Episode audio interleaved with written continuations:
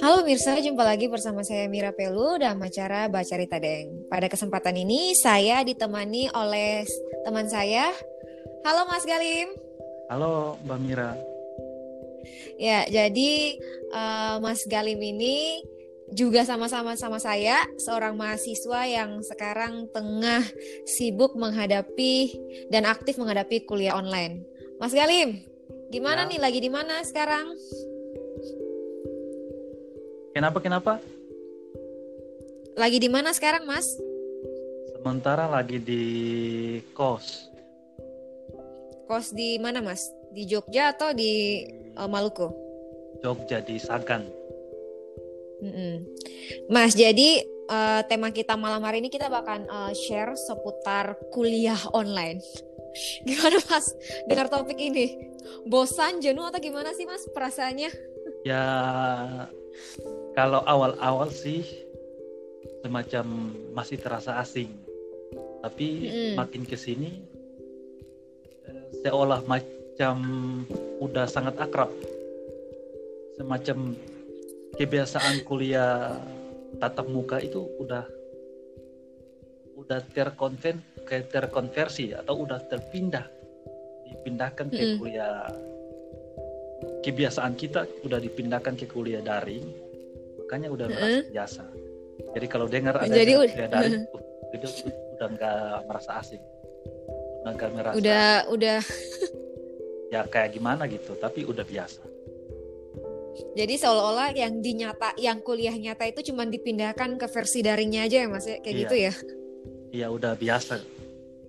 Mm bosan gak sih mas uh, sampai dengan detik ini? Kalau uh, yang Mira tahu kan mas banyak banget nih teman-teman yang lain juga pada ngeluh ah capek gak guna lah kuliah online malah kuliah online ini malah tugasnya semakin numpuk gitu. Capek sama kuliah online dan sebagainya.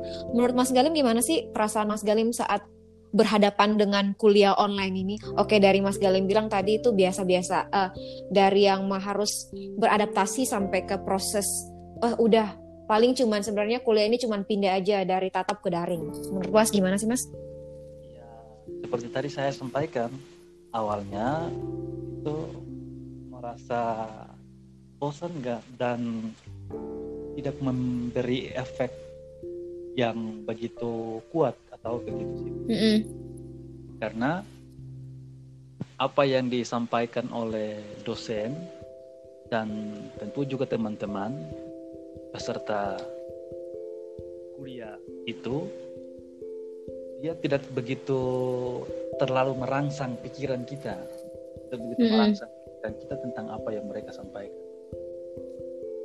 Karena itu kita juga tidak begitu begitu fokus karena bedanya itu bedanya face to face tatap muka dengan mm.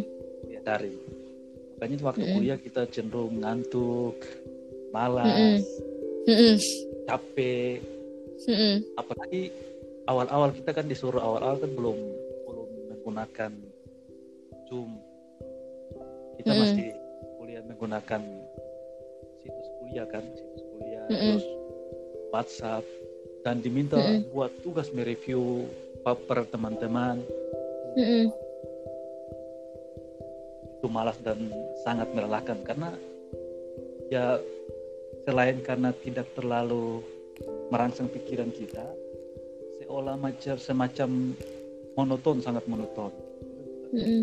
sangat memeras pikiran kita terasa sekali capeknya itu mm -hmm. baik kita kuliah tatap muka mm -hmm.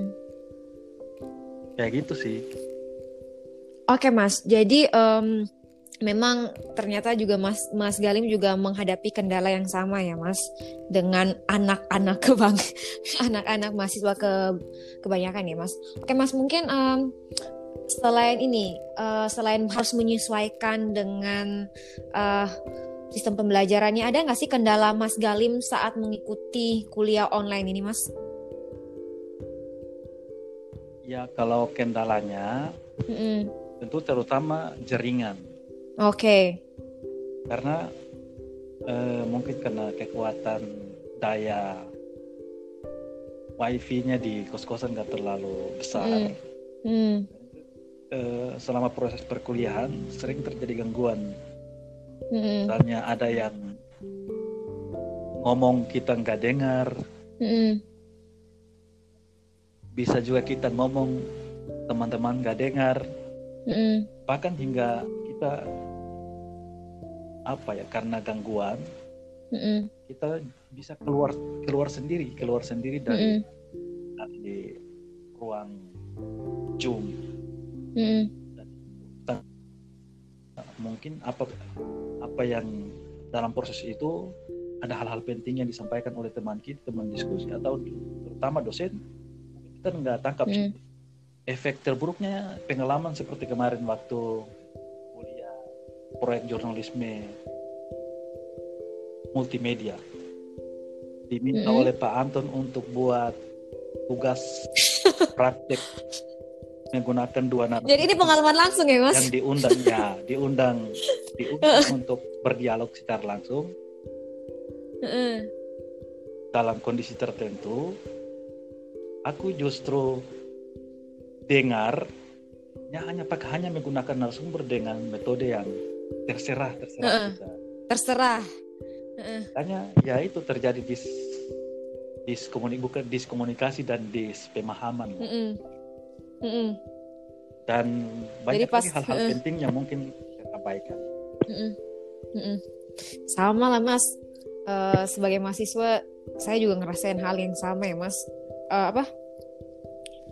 Eh, sampai kadang itu ngeluhnya banyak ya awal-awalnya itu mas. Kayak ngerasa kayak aduh ini capek. Terus nemu nemu eh quotes ya. Quotes itu kayak gini mas bunyinya. Eh, kuliah online ini intinya itu eh, tugasnya itu smackdown gitu.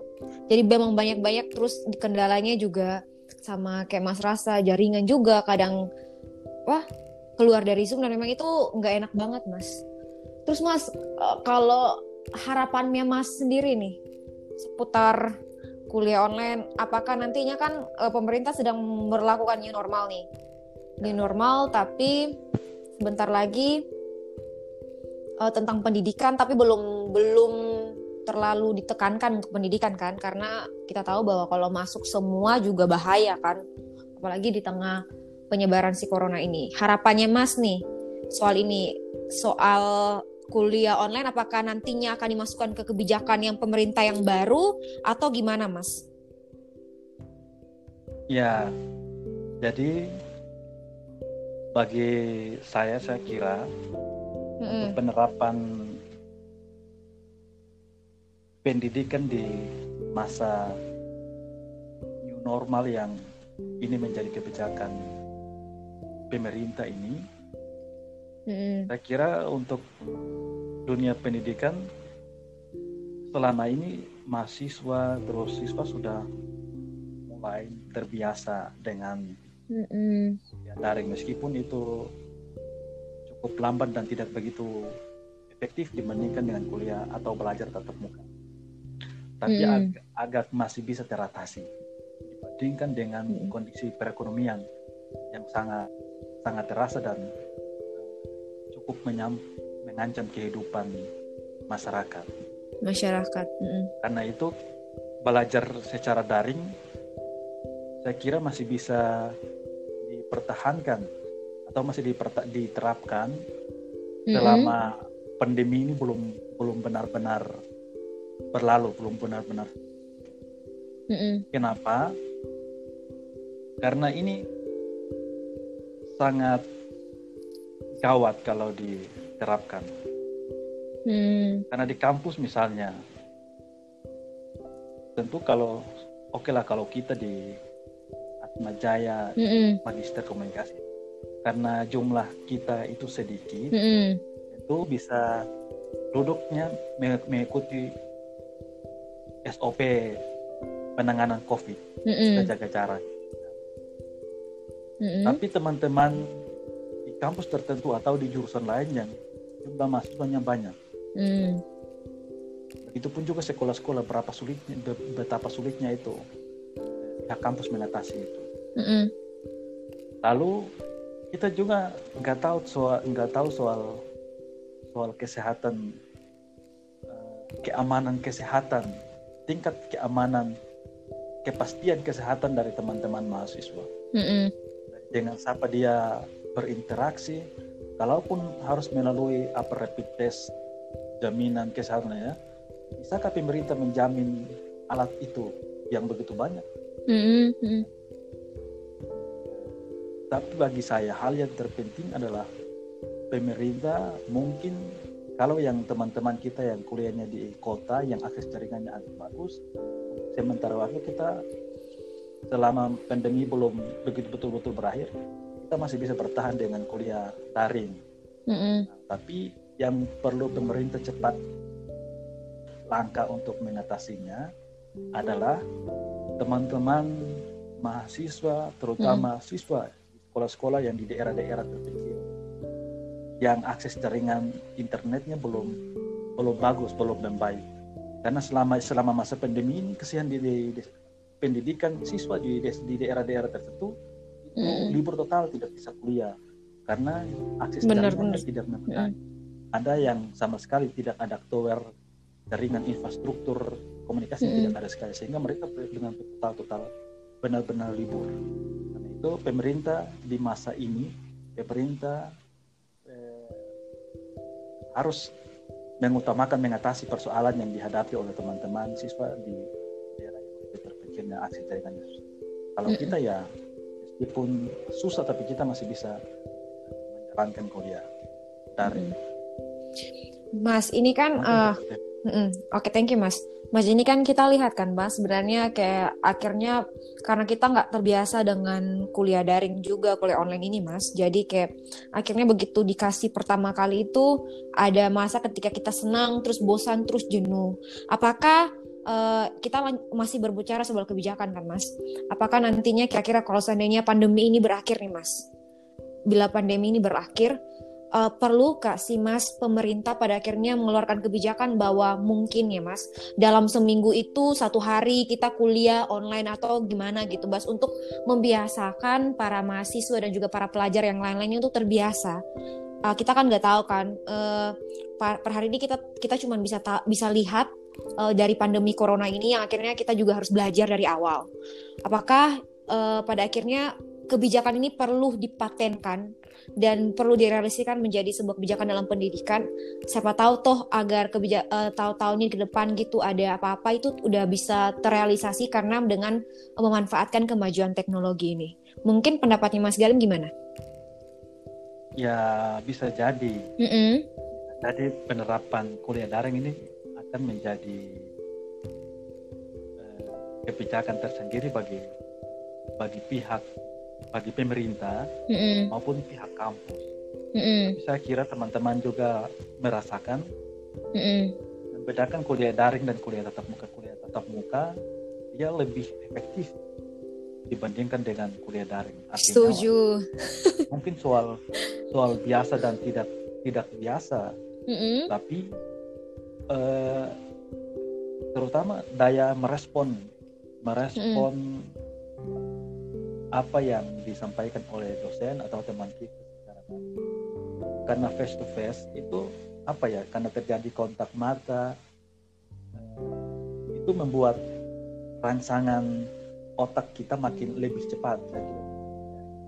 Beda dengan kuliah daring. Mm-hmm. karena itu kalau kondisi memang sudah betul-betul normal saya kira tanpa harus menerapkan kuliah daring kuliah daring harus di terapkan terkecuali ada narasumber-narasumber tertentu ada narasumber-narasumber tertentu yang berada di luar kota tidak ada di situ yang penting untuk untuk bisa penting untuk mengisi kelas kita karena keterampilan oh. atau kemampuannya. Nah, okay. mm -mm.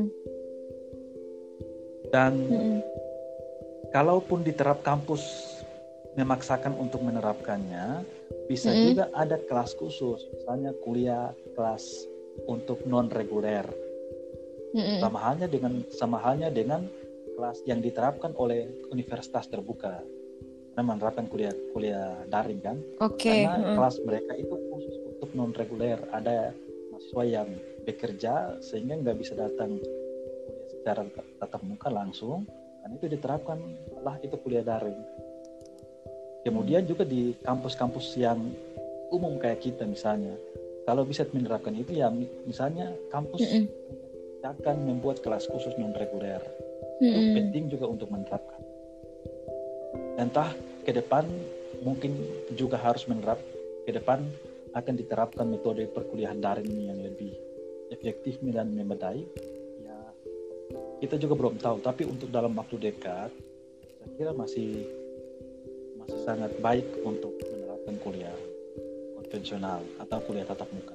Soal biasa dan tidak biasa, saya kira ketika terjadi eh, hal-hal tertentu, misalnya masa menghadapi masa krisis seperti pandemi ini, ya mau tidak mau mahasiswa tetap melakukan penyesuaian. Yang terpenting adalah pemerintah bisa menyiapkan perangkat infrastruktur yang memadai mm-hmm. dan begitu juga pihak kampus bisa untuk menyesuaikan. Saya kira kuliah bisa berjalan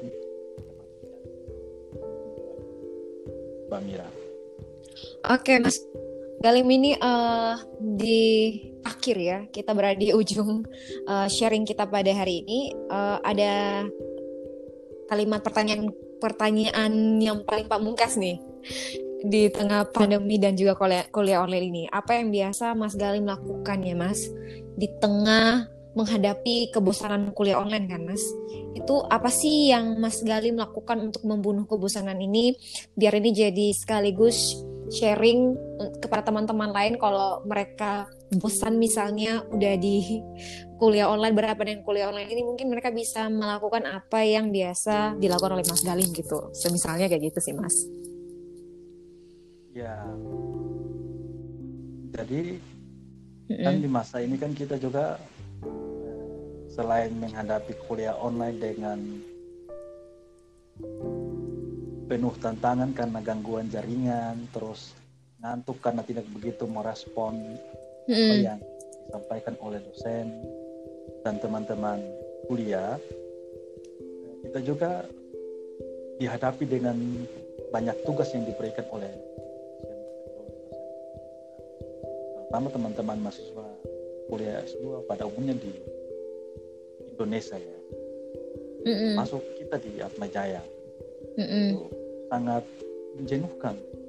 Iya benar biasanya hal yang sering dilakukan oleh teman-teman untuk mengatasi kejenuhan itu di masa normal bisa refresh teman-teman bisa refreshing ke tempat wisata nongkrong ke kafe jalan-jalan mm -mm. nongkrong bersama teman nah itu bisa mengatasi kes perkuliahan. Tapi saat di masa pandemi, benar benar sangat sulit kita bisa bisa mengatasi masalah itu dengan cara itu.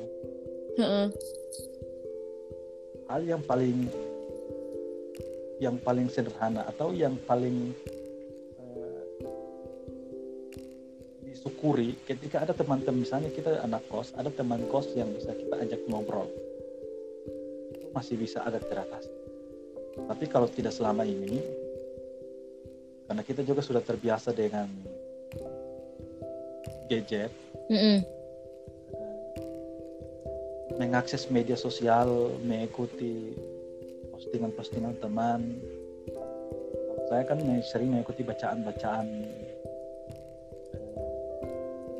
daring atau status-status para penulis sastrawan belakangan ada perdebatan-perdebatan antara filsafat dan sains dan agama oleh beberapa sastrawan dan, dan ilmuwan yang sering saya ikuti.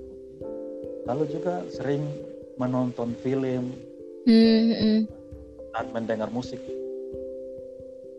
Kadang saya merasa terlalu diasihkan dan berlarut-larut menonton film dan dengar musik ketimbang banyak membuang waktu untuk mengerjakan tugas. Nah, itu ya, kemalasan, kejenuhan tapi setelah berlama-lama di situ tidak tidak begitu lagi terbeban untuk menghadapi okay. termasuk menghadapi mm -mm. kuliah daring Oke Mas Galim, thank you untuk waktunya. Kita udah sharing seputar pengalaman dari Mas Galim ya, juga sama, saat kuliah online uh, semoga teman-teman yang dengar podcast episode pertama ini seputar kuliah online jadi semangat deh mas dengar cerita kita. Oke, okay, Amin. terima kasih Mas Galing untuk waktunya.